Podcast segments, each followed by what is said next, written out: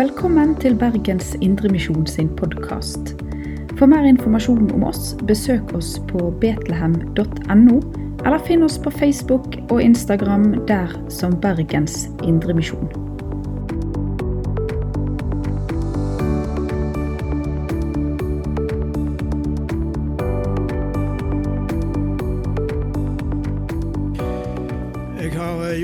Jo registrert at det ble utdelt både mat og kaffe før bibeltimen, så det virker som en har tenkt det skal ta sin tid, dette.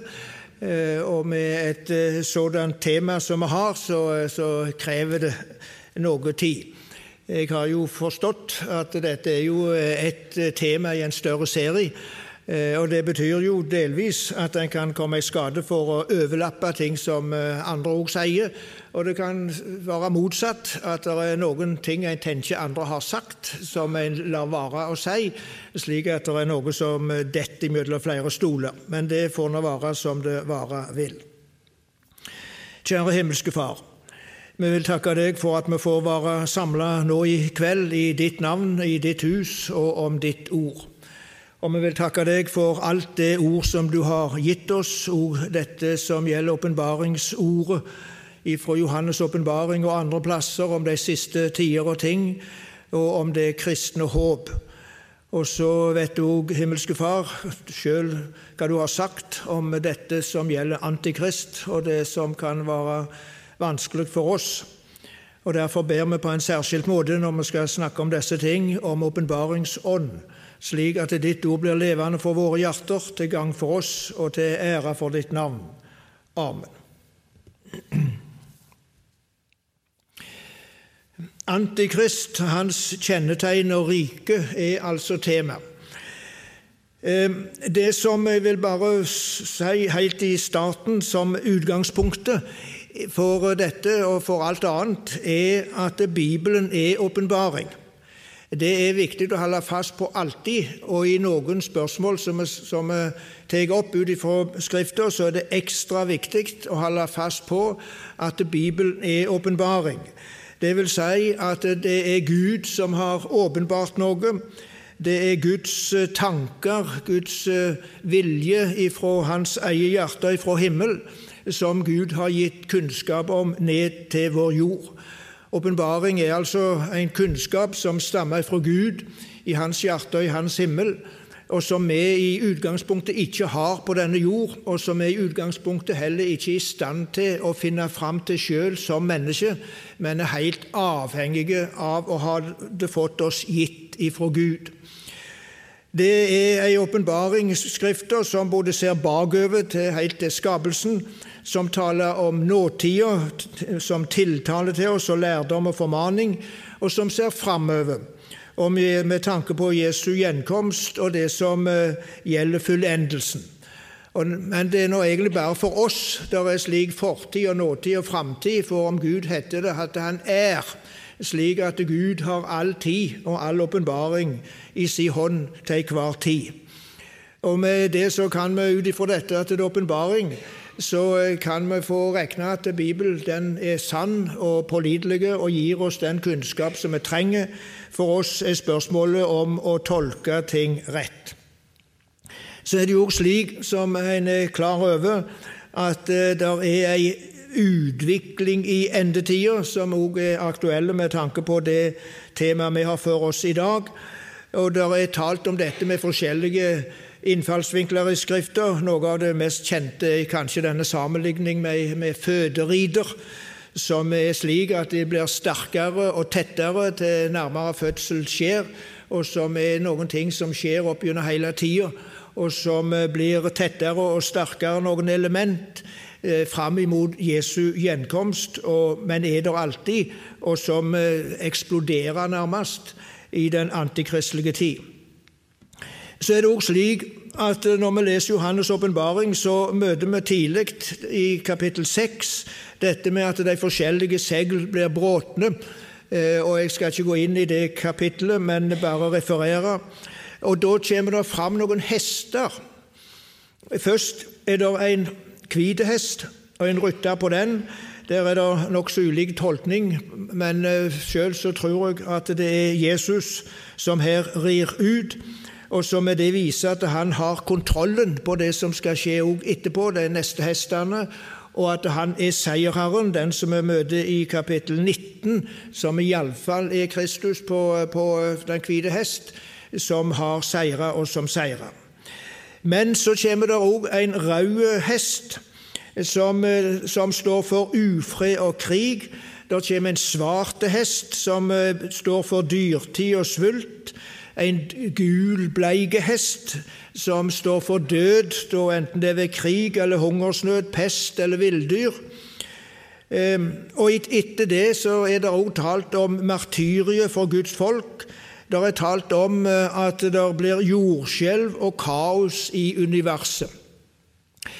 Og Det som er poenget mitt med å nevne dette nå, er ikke slik at dette er bare ting som føler på hverandre, men det er der samtidig.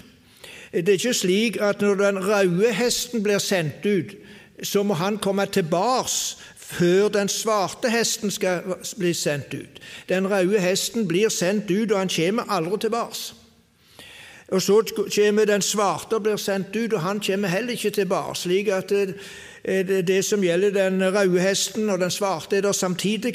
Og det samme gjelder disse neste hestene og de neste ting som skjer.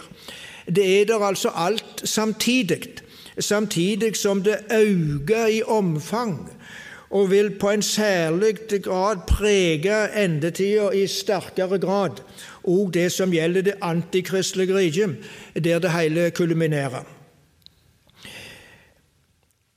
Disse bryting av segl som vi har i Johannes' åpenbaring, og senere når vi møter basuner og vredeskåler, men særlig dette med at seglene blir bråtne, det er et uttrykk for at det som hører endetida til, blir åpenbart for oss.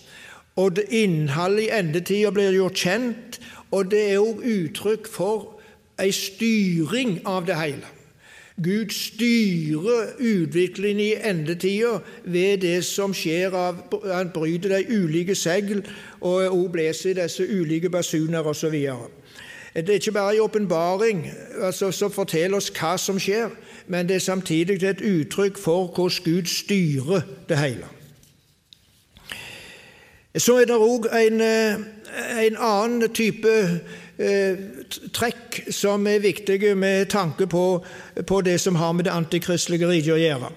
Og Det er at Bibelen taler om ulike verdensriker som kommer og går, og som peker fram imot det antikristelige verdensbildet. Det er særlig i Daniels bok vi finner det. Og da I to-tre to, tre kapittel, kapittel to er det jo talt om ei billedstøtte og i kapittel 7 og 8 er det talt om noen forskjellige dyr. Og disse, disse ting som er knytta til denne billedstøtte, og disse ting som er knytta til disse forskjellige dyr, det taler om forskjellige verdensriker som følger på hverandre. Du hadde nå før denne tid hatt det egyptiske, men på den tid som dette er talt om, så har en det babylonske. Og så kommer det medisk-persiske, og så det greske eller helenistiske, og så til sist det romerske. Og Dette er omtalt profetisk i Daniels bok og sagt hva som skal komme. Og det er så, det er så han har sagt, korrekt at eh, at du kan lese det senere. I alle vanlige historiebøker så finner du omtalt disse forskjellige verdensrikene. Så, så, det er, det er riket som har vært, men som, som, Daniel profeterte om på forhånd. Noen vil jo mene at Daniels bok må være skrevet langt senere enn på Daniels tid, nettopp fordi det han skriver om disse verdensrikene, svarer så nøye til det som senere kommer. Poenget med alle disse verdensrikene Eh, er at, og de er, de er, litt ulike i karakter, og egentlig litt voldsommere i karakter etter hvert. og Vi kjenner jo mest det romerske riket, som var på Jesu tid. Eh, poenget med disse hele det er at de peker fram imot Antikrist ved flere av disse som styrer, og fram imot det antikristelige riket, som blir åpenbart i kapittel 17 og 18 i Johannes' åpenbaring.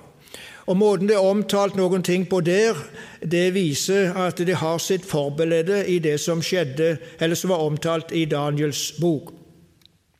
Og Det er et begrep som da går igjen noen ganger, og det er ordet Babylon. Eh, og vi snakker om babylonisme, altså en, en, en, en ideologi som rår.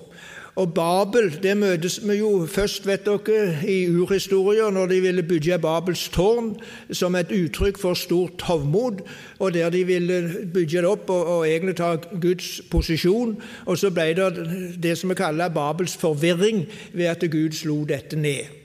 Og så møter vi denne samme Og det lå der en enhetstenkning og en storhetstenkning i dette med Babylons, Babels tårn, som du finner igjen i det babylonske riket, med den åndssituasjonen og åndskraft som er der.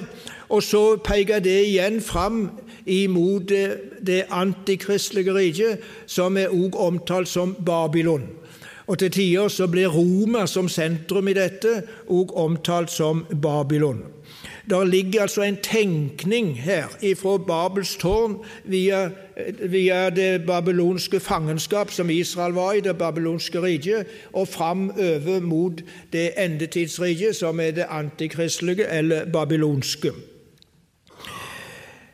Så er det, og Nå begynner jeg å nærme meg dette, var egentlig innledning.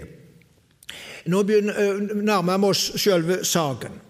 For da må vi til kapittel 12 og 13 i Johannes' åpenbaring. Der er det slik at i kapittel 12 der møter vi en, en drage. Og den dragen trenger vi ikke tvile på hvem var, eller hvem er, fordi det er sagt at det er djevel blir det sagt i selve kapittelet. Det er vist til den samme person som steg fram i Edens hage og frista Adam og Eva. Her stiger det en, en drage, en djevel, fram, og ut ifra at han stiger fram, så kaller han fram dyret. Dragen kaller fram dyret, djevel kaller fram Antikrist. Det er overgangen og sammenhengen mellom kapittel 12 og 13. Jeg skal komme litt tilbake til, det. Og Med det så begynner vi med begrepet antikrist. Eh, den antikristelige karakter kan det sies mye om. Eh, men i 1. Johannes brev så finner vi liksom selve grunnkarakteren til Antikrist. Og Anti det kan jo bety enten i stedet for eh, eller, eller, eller, som motsetning. Altså Enten har du det som en, nærmest en parallell eller som en erstatning, motsetning. Og det er anti i forhold til, til Kristus. Enten imot Kristus eller i stedet for Kristus. Og I Johannes' åpenbaring heter det slik i kapittel 2 vers 18.: Mine barn, det er den siste timen, og liksom det har hørt at Antikrist kjem, så har alt nå mange antikrister stått fram. Av dette vet vi at det er den siste timen. Her opereres det med mange antikrister, med antikrister med liten a. Og så er det samtidig omtalt en antikrist som iallfall i denne oversettelsen har fått store A, som et uttrykk for den endelige antikrist. Men det at det er noen antikrister i, mindre karakter, det taler også om at det er en antikristelig ånd som vil være til stede i samfunnet alltid, og som slår seg ut på ulike måter. Og der en opp historie har lurt på om den og den var antikrist. Og det har nok ikke vært i, i som den endelige antikrist, men samtidig så kan vedkommende som en har pekt på, representert ei antikristelig ånd i tråd med det som her er sagt. Og I, vers 22 så er det sagt om denne antikrist Hvem er lugneren, om ikke den som nekter at Jesus er Kristus? Han er antikrist, han som fornekter Faderen og Sønnen. Og Likeens i kapittel 4, vers 2 i det samme brevet, eh, vers 2-3. På dette skal vi kjenne Guds ande, hver ånd som sanner at Jesus er Kristus, kommet i kjøt er av Gud. Og hver ånd som ikke kjennes ved Jesus, er ikke av Gud. Det er ånda til Antikrist, som det er hørt skal komme, og hvor er alt nå i verden. Ei antikristelig ånd som er der, og som er kjennemark på dette, at en fornekter Jesus. De kan fornekte Jesus som sann Gud, eller fornekte Jesus som sant menneske. Altså at Jesus som, som, Gud og menneske ikke får stige fram og være den frelser som han er som gudmenneske, som Gud, sann Gud og sant menneske. Og når en undergrever det og fornekter det, så har en egentlig også satt til side Guds vilje, som er åpenbart i Kristus. Og det er her vi er med selve kjernepunktet i det antikristelige, at det rammer Kristus med mange konsekvenser òg for samfunnsliv og for eh, folk i, det hele. Det som òg kan si er et, som et grunntrekk i Antikrist, det er lovløse. I eh, andre Timoteus brev så er dette sagt slik i kapittel 2 og fra vers 8 eh, til 12.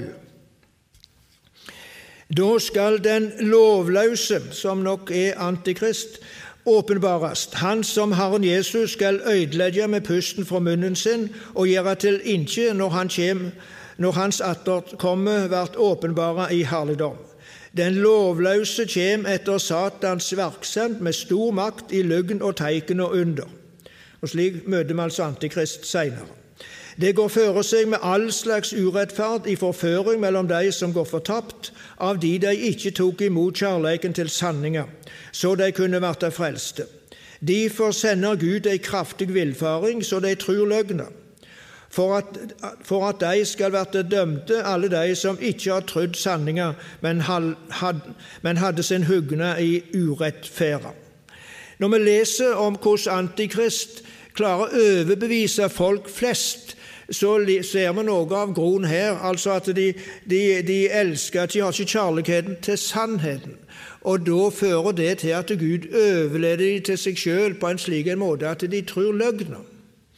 Og det er, det, det er, ganske alvorlig, og det kommer vi litt tilbake til og tror vil være gjeldende til en viss grad òg for vår tid. De tror løgna, altså, i stedet for å ha kjærlighet til sannheten. Når Paulus også skriver om dette i 2. Timoteus brev 3, så sier han òg at det vil komme tunge eller vanskelige tider. Og så nevner han opp en hel rekke av umoralske ting som vil prege den tid, altså lovløser, trur løgna, vonde, vanskelige tider. Og så er det altså slik at alle disse ting som vi nå nevner, som er knytta til Antikrist, stammer jo egentlig ifra djevel, ifra dragen. Og da er vi altså i kapittel 12 i Johannes' åpenbaring. Eh, der er det i eh, vers 3 og 4 det er først talt om ei kvinne. og jeg, Nå kan jeg ikke gå gjennom alt som står i dette kapittelet. Det er et veldig interessant kapittel å lære i kapittel, kapittel 3, 12 i Johannes' eh. Så jeg kunne godt hatt en time på det, men eh, jeg må bare ta litt der nå. Men der står det om ei, ei kvinne, og så står det om etter, et, det i vers 3 og et annet teiken vart sett i himmelen, og sjå, en stor eldrøyd drake, som hadde sju hoved og ti horn, og på hovedet sju kroner. Med halen sin drog han med seg tredjeparten av stjernene på himmelen og kastet dem ned på jorda. Og han stilte seg framfor kvinna som skulle føde, for å sluke barnet hennes så snart hun hadde født. Her er det altså denne eldraude dragen er djevel. Og her er det, det som er sagt her, er at han prøver å ta knekken på, på, på Jesus i det Jesus blir født. Dette tror jeg må, må, egentlig tale om dette som skjedde med Herodes, som prøvde å drepe Jesus, men der, der, der eh, Josef og Maria for til, til Egypt, og, og barnet ble berga. Og Så skjer det en forfølgelse etterpå av, eh, av kvinner, som, er, for, som er jødeforfølgelse, antisemittisme, som er satanisk. Og så skjer det en forfølgelse òg av de kristne. Og Enten det da er Kristusforfølgelse, kristendomsforfølgelse eller antisemittisme, så er det egentlig dypest sett det samme. Det er et hat mot Kristus, og det stammer fra djevelen. Dragen stiger altså på dette måten fram, og det er sagt at han har stor makt. Og han handler med stor desperasjon i forhold til, til, til Kristus og i forhold til kristne. Så heter det seg at han blir kasta ned ifra himmel. Det ble en strid, står der i vers 7, i himmel. Mikael og englene hans tok til å strie mot dragen, og dragen stridde og englene hans. Og de kunne ikke stå seg, og det ble ikke lenger funnet noen stad for dem i himmelen. Dragen den store dragen ble kasta ned, den gamle ormen, han som ble kalt djevelen og Satan, og som forfører verden. Ble kasta ned på jorda, og da er det lenger nede sagt at de skal fryde seg i himmel fordi de er blitt kvitt han, men ved den jord som han er kommet ned på, heter det. Det står der i vers 12. Og så når vi har sagt dette nå om djevel, dragen eller djevel, så kommer vi mot slutten av kapittel 12. Og Der sier Johannes og jeg sto på sanden ved havet. Når en, har, når en har vært på Patmos og stundet på ei strand og ser utover havet, så er det, synes det litt spesielt, det der. For, for da ser du egentlig bare utover hav. Noen mener jo det egentlig kan stå at det var dragen som sto på stranda, på havet, men slik det står iallfall i min oversettelse, så er det Johannes som står der. Og så står han der på, sand, på, på, på, eh, stranda og ser utover havet, og så sies det i kapittel 13, vers 1, som altså er det neste verset. Og jeg så et dyr stige opp over havet det hadde ti horn og sju hoved. På horna sine hadde det ti kroner, og på hovedene sine hadde det spottenavn. Her er det altså dyret, eller Antikrist, som stiger fram. Og Vi ser omtalen av dette dyret lignes på denne omtalen som vi hadde av den eldraude dragen i begynnelsen av kapittel 12. Og når det er talt om disse forskjellige eh, horn og, og hode eh, og kroner, så står det som uttrykk for makt, eller for rike. Et kongerike som er omtalt tid, tid, noen ganger som et horn, eller som hode, eller, eller, som kroner. Eh, og når det er brukt ti, så er det nokså sikkert ikke bestemt tallet ti, men at ti er, er, står for det fullstendige. Altså at dette er totalt omfattende. Eh, det er, det er, det er globalt. Alle har nå gitt dette, denne sin makt til denne ene, er nok hovedsaken ved, ved tolkningen av det. Og der i kapittel 13 er det så vi får skildre Antikrist, og vi får også skildre hans profet, den falske profeten, som blir omtalt også, eh, som vi sier, igjen en slags propagandaminister. Antikrist er altså her først omtalt som dyret. Og denne, Dette dyret det hadde stor makt. Og jeg så et dyr stige opp på havet. Det hadde ti horn og sju hoder. På horna sine hadde det ti kroner, og på hodene sine hadde det spottenavn.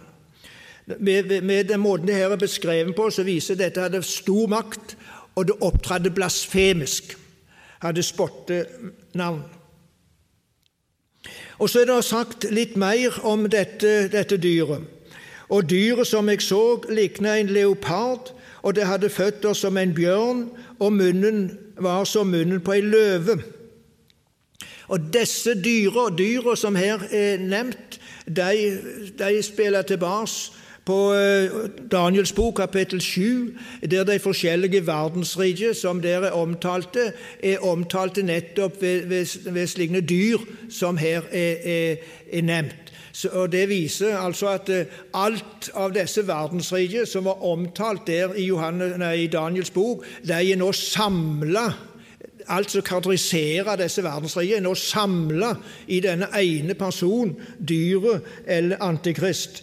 Og så heter det Og draken gav det si kraft og si trone og stor makt. Altså dyret Antikrist får djevelens makt. Han som er omtalt som denne verdens første. Han som altså hadde stritt i himmel, men ble kasta ned på jorda. Han gir dyret sin makt. Det er en voldsom sak, det med Antikrists makt.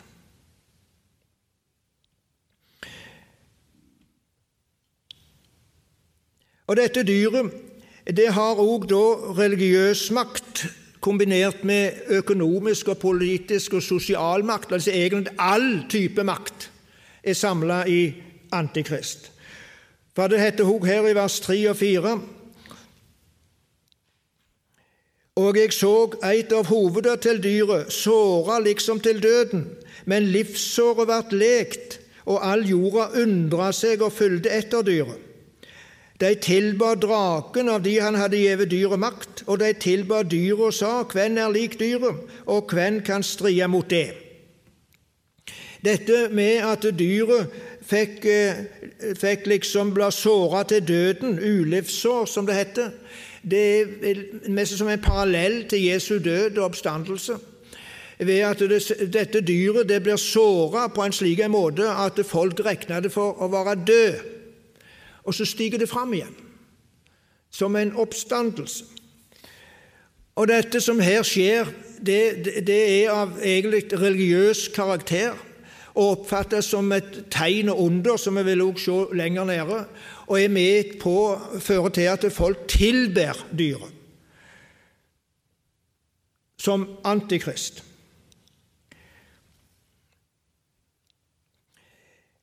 Så heter det og videre om dette dyret i vers 5.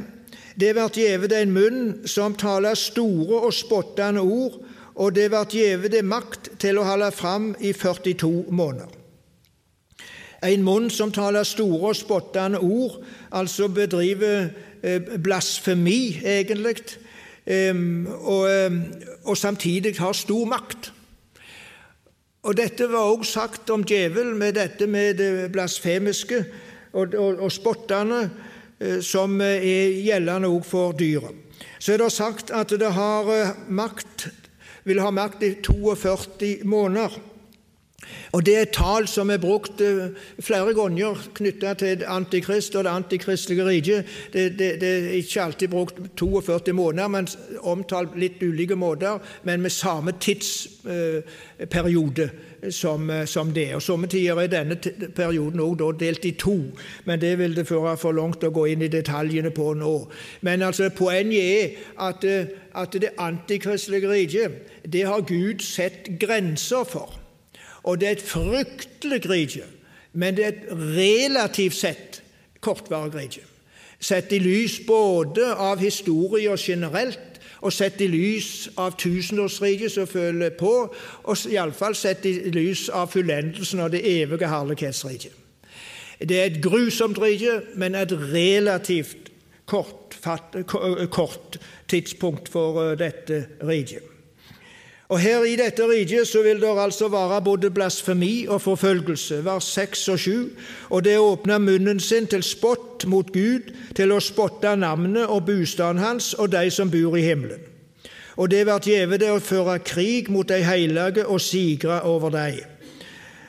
Det blir gjeve det makt over hver ett og hvert folk og hvert tungemål og hvert folkeslag. Altså spott av Gud og alt som hører Gud til, blasfemi, eh, og, eh, og forfølgelse som fører til martyrium. Og så er det stadig understreket den voldsomme makt som dette dyret har. Og Her var det sagt det blir gitt makt over hver ett, hvert folk og hvert tungemål og hvert folkeslag. Altså Dette er globalt. Og det er et poeng når vi taler om endetida og ikke minst når vi taler om disse ting som vi nå gjør, at vi må løfte blikket utover Bergen, altså. Og vi må løfte blikket utover Norge, og vi må løfte blikket utover Europa og se globalt på det. For det antikristelige riket er ikke et lokalt rike eller et nasjonalt rike. Det er et globalt rike Og med det så er det ofte for oss vanskelig å bedømme ting, fordi at vi ser veldig kort. Vi ser hva som skjer i Bergens by, og så tenker vi slik skjer det i resten i verden. Og så ser vi iallfall hva som skjer i Norge, og så har vi lett for å tenke at det som er i Norge, er representativt for hele verden. Men slik trenger det ikke være. Og mens det er avkristning i oss, så er det store vekkelser andre plasser. Og Tidligere har det vært motsatt, der hedenskapet rådde andre plasser, mens eh, vekkelsene var i Norge. Eh, og, og, Antikrist kommer ikke mange ganger, altså. En gang for Europa, en annen gang for Asia, en tredje gang for Afrika. Han kommer én gang, og da blir dette globalt. Så Derfor må vi være litt forsiktige når vi, er, når vi skal konkretisere dette, samtidig som vi må ta det som ligger i Antikrist og den antikristelige ånd, på stort alvor òg inn i vår situasjon. Og Det fører iallfall med seg at òg folk tilber. Alle som bor på jorda, står i vers 8, skal tilbe det hver den som ikke har fått navnet sitt skrevet i livsens bok hjå lammet, som er slakta fra verda vært grunnlagt. Det er altså ei gruppe som ikke tilber lammet, og det er de som tilber nei, som ei, ei gruppe som ikke tilber Antikrist, og det er den gruppa som tilber lammet, og har lammet eh, sitt navn skrevet i livsens bok. Alle andre vil tilbe dyret og gi det sin makt. Så heter det her òg at det stiger fram et annet dyr, står det i vers 11. Og jeg så et annet dyr stige opp på jorda. Det hadde to horn, liksom et lam, men taler som en drake. Dette, er, dette andre nyret er det som vi kaller den falske profeten, eller som også somme tider omtales som dyrets propagandaminister. Og Dette dyret er det sagt at det har to horn, eh, liksom et lam, men taler som en drake. Dette sier oss at dette dyret det kan stige fram på, på en fin måte, som et lam, litt uskyldig. Det er forførende og det er, kan være tiltalende i det ytre. Men etter sitt innhold, etter sin karakter, så er det, tale, så er det av dragen, av djevel. Og Det gjør nok at dette, dette, denne falske profeten får så stor innflytelse for at han stiger sympatisk fram som et lam, men er så farlig fordi at han er bærer av det som hører dragen, djevel, til.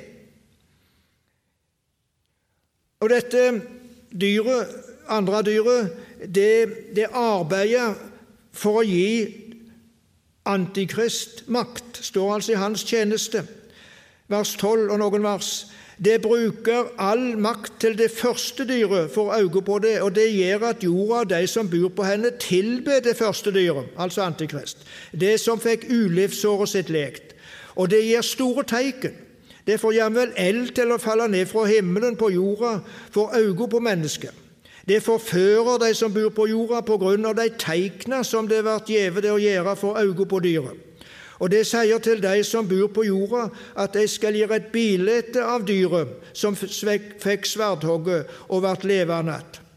Og det fikk makt til å gi livsande åt bildet av dyret, så bildet av dyret jamvel kunne tale og gjøre det slik at alle de som ikke ville tilbe bildet av dyret, skulle drepes. Eh, når det er her talt om dette bildet og disse ting som er knyttet til her, så ser vi at dette av sterkt religiøs karakter, for her er det snakk om tegnet under. Og Dette bildet det minner oss litt om denne billedstøtta som vi finner i Daniels bok, der også poenget var at de skulle tilbe dette bildet som, som uttrykk for å tilbe Nebukadneser, eller kongens styresmakt. Og Her er det òg Antikrist som styresmakt, som hersker, som de skal falle ned for å tilbe. Det er dette med, som er det egentlige keiserdyrkelsen at keiseren får en posisjon, dvs. Si styresmakter, kan om man heter keiser eller fyrste eller konge eller statsminister eller president, det er hipp som haps, men vi bruker dette begrepet keiserdyrking som et uttrykk for dette, at styresmakter får en posisjon som er så enormt sterke at de kan gjøre krav på tilbedelse med martyriet som konsekvens for de som ikke vil tilbe. Det så vi altså i Babylon, med, der Daniel og hans venner nekta, og det gikk dem godt, for Gud tok seg av dem. Og slik vil òg Gud ta seg av sine i møte med Antikrist og tilbedelsen av, av, av Han når så langt kommer. Men det vil bli ei fryktelig vanskelig tid. Her er det òg i forlengelsen av dette møter nettopp dette som vi snakker om som dyrets marke. Vers 16.: Det syter for at alle, små og store, rike og fattige, frie og træler, får et merke i høyre handa si eller på panna, og at ingen kan kjøpe eller selge uten den som har merket, merke navnet på dyret eller tallet for dette navnet. Nå skal vi ikke bruke mye tid på akkurat dette dyrets merke, eh, men eh, slik som når vi leser om dette, så er jo poenget med det hele at, eh, at dyrets martium er et uttrykk for at Antikrist har den fullstendige kontroll. Den sosiale kontroll, den åndelige kontroll, den økonomiske kontroll, den politiske kontroll. Alle må forholdes til Han for å kunne fungere i samfunnet. Om det så er et fysisk marsje som en får som et uttrykk for dette, det kan det være. Jeg tror helst, uten at jeg skal legge for stor vekt på det, er at dette, er, dette dyrets merke er egentlig at vår tanke er preget. Det antikristelige, antikristelige har fått sett sitt preg, makt, vår tanke livssynsmessig og ideologisk, slik at vi tenker som dyret tenker, og med det handler som dyret handler. Det var panna og hånda som skulle merkes. Tanken og handlingen. Og det vil være et krav, og det vil være en åndssituasjon som er forferdelig utfordrende. Og det er bare Guds under at en kan stå imot det. Men da er det en ting som jeg bare noe nevne i forbifarten.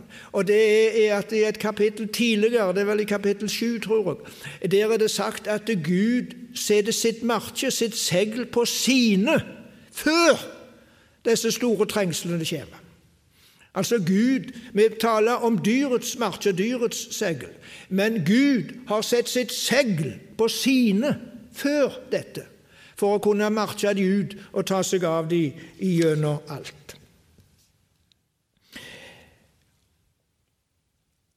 Før så vi kommer til det antikristelige riket i kapittel 17, så er det tre kapittel her, 14, 15 og 16, som både inneholder trøstesyn, som skal være, løfte oss opp og hjelpe oss i møte med det som vil komme i, eh, i det antikristelige riket, og det er noen domssyn som viser enda mer hva som skal skje.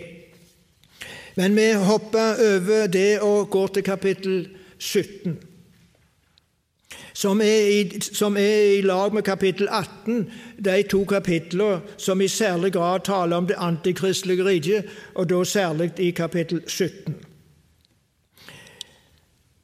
Det som vi da først skal merke oss, det er at det antikristelige riket det har den karakter og den, de kjennetegn som dragen hadde, og som dyret hadde slik som han nå sett på dette i kapittel 12 og 13. Denne, dette antikristelige riket er også omtalt som den store skjøge, eller som Babylon. Vi leser de fem første versene. En av de sju englene med de sju skålene kom og talte til meg og sa:" Kom, jeg skal syne deg dommen over den store skjøka, hun som sit over de mange vatnene. Men med henne, med henne har kongene på jorda drevet hor. De som bor på jorda, har blitt drukna av vinen fra horelivet hennes. Og han førte meg i ånda ut i øyemarka. Der så jeg ei kvinne sitte på et skarlagsraut dyr, som var fylt av spottenavn. Dyret hadde sju hoved og ti horn. Kvinna var kledd i purpur og skarlak og var prydd med gull og edelsteiner og perler. I handa si holdt hun ei gullstaup fylt av styggedom og uregnskap fra horelivet hennes. På panna hennes var det skrevet et navn, en løgndom, Babylon, den store mor til kjøkkenet og til styggedommen på jorda. Her er det altså ei kvinne som er omtalt som den store skjøge, som kan nok sikkert òg tolkes på litt forskjellige ting. Eh, nå, I hvor stor grad en vil legge venn på at denne representerer det, det religiøse, åndelige eller det samfunnsmessige. Jeg tror det er mest naturlig å tolke denne skjøga eh, som et uttrykk for samfunnet, som òg inkluderer det åndelige, religiøse liv. Og denne kvinna, altså samfunnet, eh, det antikristelige riket, det, det, det, hun satt på, eh, på eh, ryggen av uh, et skarlagsraut dyr. Altså det var dragen, eller òg Antikrist, som var den som dette samfunnet bygde på, satt på og hadde sin kraft ut ifra. Det er eh, ganske voldsomt, dette her, altså, hvordan samfunnet, inkludert det religiøse liv, er prega av den som bærer det, dragen eller dyret, Satan og Antikrist. Og Dette førte med seg voldsomt mye umoral, som det her er veldig tydelig, og voldsomt også mye materialisme med gull og edelsteiner og perler. Eh, og det førte med seg eh, forfølgelse og martyrie. Men jeg understreker på nytt dette ord som da står i vers 7. Eh, Engelen sa til meg, Hvorfor undrer du deg? Jeg skal sie deg løgndommen med kvinna og med dyret som ber henne. Det har sju hoved og ti horn. Kvinna og dyret som ber henne.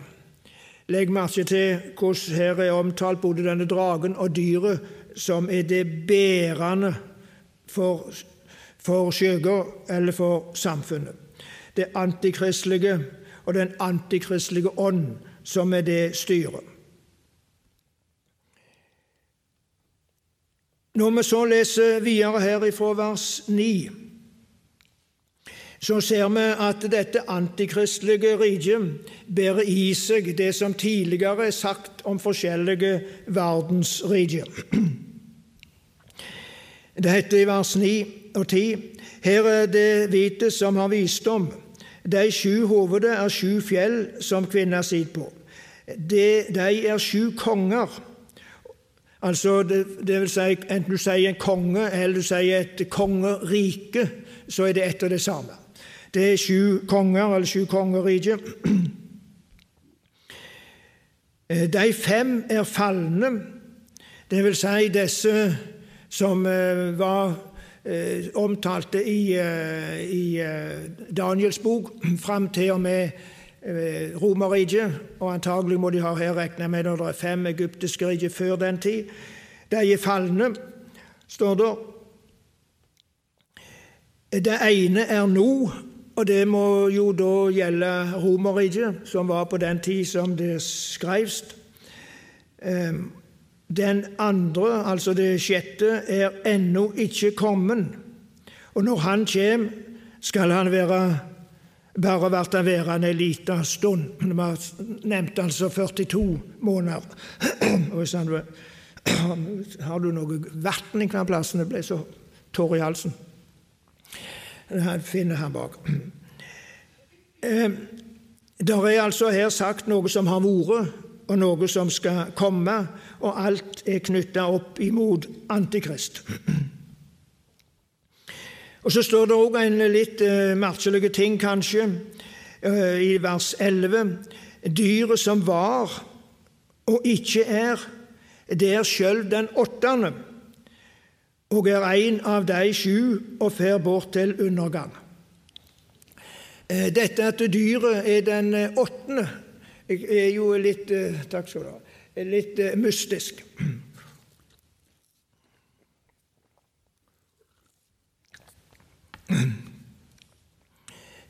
Eh, og Det kan egentlig antagelig bety én av to ting. Fordi vi så på dette at dyret det, det fikk ulivssår og sto opp igjen. Og Da kan det være altså her en regner for to. Først den sjuende før ulivssåret, og så den som når han kom tilbake, så ble den åttende. Eller det er tenkt som at han er den åttende i betydning at han har alle rikene i seg, i tillegg til den han sjøl er.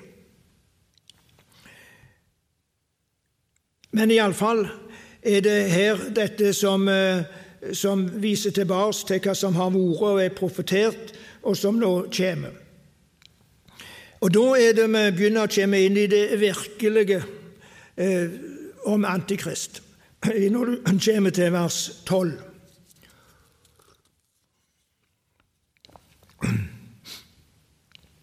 De ti horna som du så, er ti konger som ennå ikke har fått rike, men de får makt som konger i en time sammen med dyret. Altså maktkonsentrasjon. Og så står det i vers 13, og legg merke til vers 13.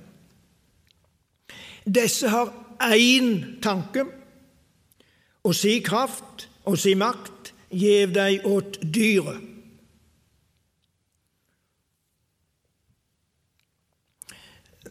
De har én tanke, det vil si ei voldsom tankemessig ensretting, eller ideologisk ensretting. Alle tenker og må tenke likt.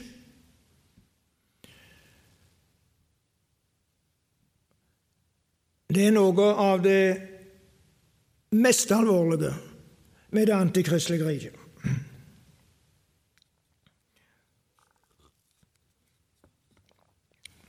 Og så får òg eh, dyret, alle disse, si makt. Og si kraft og si makt gjev dei åt dyret. Det vil si, der òg blir en voldsom maktkonsentrasjon. Og maktkonsentrasjon er alltid farlig.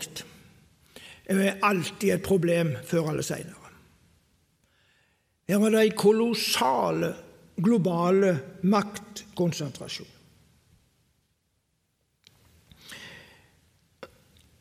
Og Poenget er jo å få ta Jesus. Vers 14.: Disse skal føre krig mot lammet. Krig mot lammet. Han prøvde seg altså djevel når Jesus ble født, men mislukkes. Men djevel gir aldri opp før han kaster fortapelsen og han fører krig mot lammet. Og det bruker han altså det antikristelige riket til. Men lammet skal sigre over det, fordi han er herre over herrene og konge over kongene. Sigre sammen med de som er med lammet, de som er kalla og utvalgte. Jesus og Gud er altså seierherr. Og Så står det et litt merkelig vers, kanskje, i vers 17. og Det er også lett å huske Åpenbaringen 17, 17.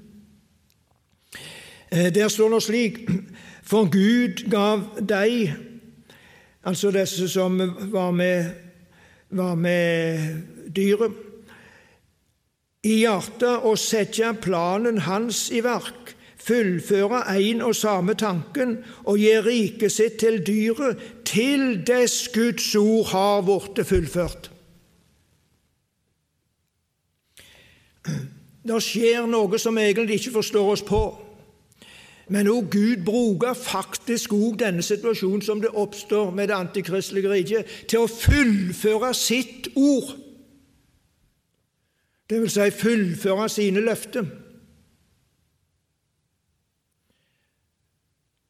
Han er kongers konge. Han er historien sin herre. Det er ikke Biden, det er ikke Putin som styrer til sist. Ikke Jens Stoltenberg heller. De er viktige nok. Men det er én som styrer utviklingen, og han styrer ennå til utviklingen gjennom det antikristelige riket til dess Hans ord er fullført.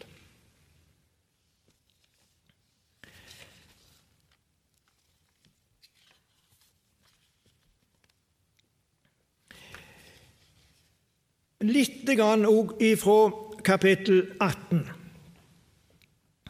som skildrer livet i Babylon, eller som skildrer livet i det antikristelige riket. Kapittel 18 er egentlig domsavsnittet, domskapittelet over det antikristelige riket. Men eh, ved at dommen blir skildret, så får vi et inntrykk av hvordan dette riket var, eller skal bli.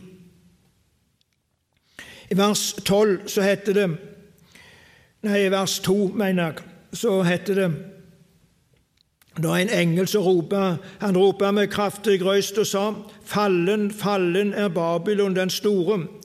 Hun har blitt en bostad for vonde ånder, et fangehus for hver urein ånd, og et fengsel for hver urein og hata fugl.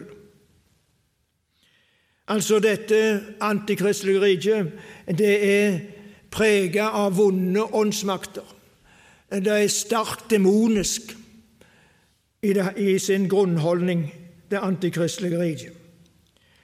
Og det vers tre For alle folk for alle folk har drukket vreidevinen fra horelivet henne. Kongene på jorda har drevet hor med henne, og kjøpmennene på jorda har blitt rike av henne rause vellivna. Kolossalt med hor og umoral så preger det antikristelige riket og det er omtalt som vellevna. Det synes òg til å være preget av kolossalt med underholdning. I kapittel 2, nei, vers 22 så lyder det slik i første setningen Lyd av harpespillere og sangere og fløytespillere og basunblåsere. Det skal aldri bli hørt mer der etter dommen. Men altså dette med denne type underholdning har vært tydelig. Men det som kanskje aller mest preger dette riket, og som gjør det aller mest aktuelt for oss, det er at det er så sterkt materialistisk. Det er så en enorm forbrukerkultur. Kapittel 18, vers 11-13.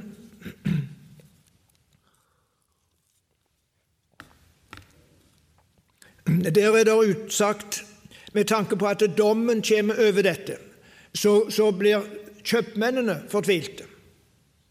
Og kjøpmennene på jorda skal gråte og sørge over henne, fordi ingen kjøper skipslastene deres lenger.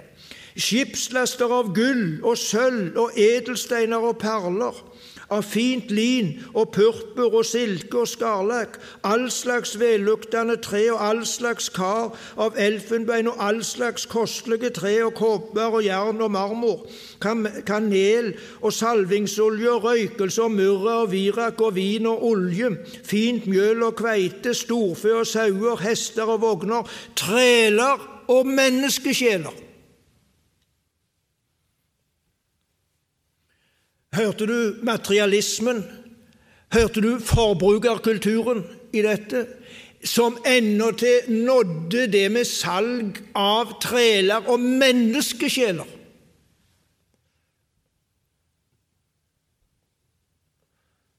Og Det siste kan jeg jo lure på hva er.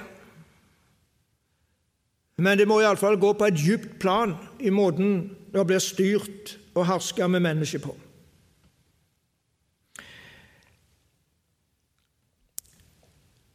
Jeg skal ta ganske raskt egentlig en sammenfatning og en aktualisering med tanke på vår situasjon anno 2022. Og Samtidig må vi da altså være klar over dette som jeg nevnte, det globale og det nasjonale. Det er ikke alt som gjelder overalt, alle veier. Eh, men det er noe i denne babylonismen, i dette antikristelige, som åndsmakt, eh, som prinsipp, ideologi, som preger til alle tider, eh, som er der til alle tider, og preger sterkere til noen tider enn ellers, og i noen kulturer mer enn andre, og det kan variere. Eh, og Det sier ikke med det at vi nå er kommet i den antikristelige riket, på ingen måte, eh, men det sier noe om tendenser i samfunnet som vi må være obs på fordi de samsvarer med det antikristelige.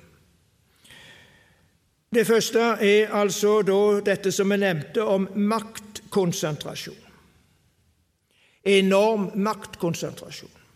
Det med maktkonsentrasjon, store unioner, og det at styresmakter får voldsomt makt i et samfunn, det er alltid et problem. og det glir lett over i det tyranniske og diktatoriske. Vi sier ikke at vi er fylt ut i denne situasjonen, men det er helt åpenbart at det er trekk i, i, i retning dette i vårt samfunn. For styresmakta har fått en voldsom makt på to måter. Ved lovgivningsmakt kombinert med økonomisk makt. Og den økonomiske makt den går sammen med, med, måten det er med skatter og avgifter i dette landet på. Vi har jo to tredjedeler av inntekten vår betaler vi inn i skatt og avgifter, slik rundt regnet så sitter vi igjen med en tredjedel sjøl, når, når, du regner. Og det går veldig bra, det. For vi tjener jo så kolossalt med penger i dette landet at vi klarer oss utmerket i det daglige med den tredjedelen vi sitter igjen med. Men det fører til at staten får en enorm økonomisk makt. Og der som vi ser det lettest, det er i forhold til friskoler. For der i forhold til friskoler så kan en bruke lovgivningsmakt og si hva som er lovlig og ikke. Og så kan en i tillegg bruke økonomisk makt ved måten en tildeler midler på. Og ved at vi har betalt inn så kolossalt mye av inntekten vår til staten, og de deler ut igjen Hvis det da staten bare deler ut til de tiltak og den type tenkning og ideologi som staten vil støtte, så bruker de økonomisk makt til å fremme sin ideologi og sin tenkning.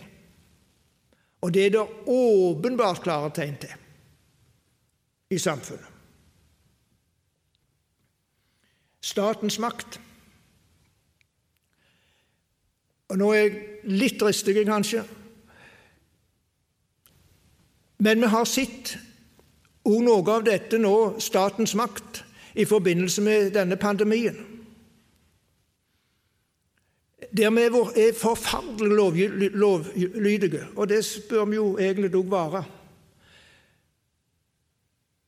Der styresmakter har stengt ned kirker og skoler og prioritert sjøl, og det har vært viktigere å holde åpne ølkraner enn å holde åpne preikestoler. Og når det skjer den godes tjeneste, så går vi jo veldig lett med på det. Men det viser hvordan staten på ulike måter kan få makt. Og bruke ting som skjer, på sitt vis. Jeg, tror ikke at styresmakter bevisst i denne situasjonen ville, ville legge ekstra bånd på kristenliv. Men hadde du hatt en, eh, en demonisk antikristelig makt, så ser vi hvor slett det kunne ha blitt brukt inn i en slik situasjon. Maktkonsentrasjon skal vi være veldig oppmerksom på. Statens makt er alltid en fristelse og en fare. Og Dette kombineres altså med det andre, med en voldsom tankemessig ideologisk ensretting. Det ser vi jo i vårt land nå ved, med, med tanke på oppseing, skole, barnehage. Eh, og, og, og, i det offentlige så er det jo veldig nært nå at det er yrkesforbud for kristne lærere som eh, vil, ikke vil fremme den likekjønna ekteskapstenkningen og, og denne nye forståelsen av kjønnsidentitet Eh, og disse tingene. Det er, det er blitt et voldsomt ensretningspress tankemessig når det gjelder oppseing. Og, og, og, jeg leser jo nå en, eh, en, en, en, statistikk som viste hvordan dette i de øverste nivå i professorkollegiene rundt omkring i verden har gjennomsyrt på en slik måte at det stiger i samfunnet veldig sterkt. Så lovgivning, særlig med tanke på kjønnstenkning og kjønnsidentitet, og med tanke på livets avslutning og evigheten, disse ting er og blir enda sterkere. Og det er den antikristelige ånd, denne ensretning av tanken. Men det som for oss kristne er aller mest utfordrende, det er materialismen og forbrukerkulturen. Fordi Der kan vi ikke liksom peke på og si dette er i strid med det og det bud. Men det er en åndsmakt som fanger oss inn. Det er en åndsmakt som blir fremja i samfunnet, slik at vi blir opptatt med å eie mest mulig, tilegne oss mest mulig. Og når vi har fått og tilegne oss det, så må vi bruke det. Og så blir hele vår tenkning fanget inn av det materielle.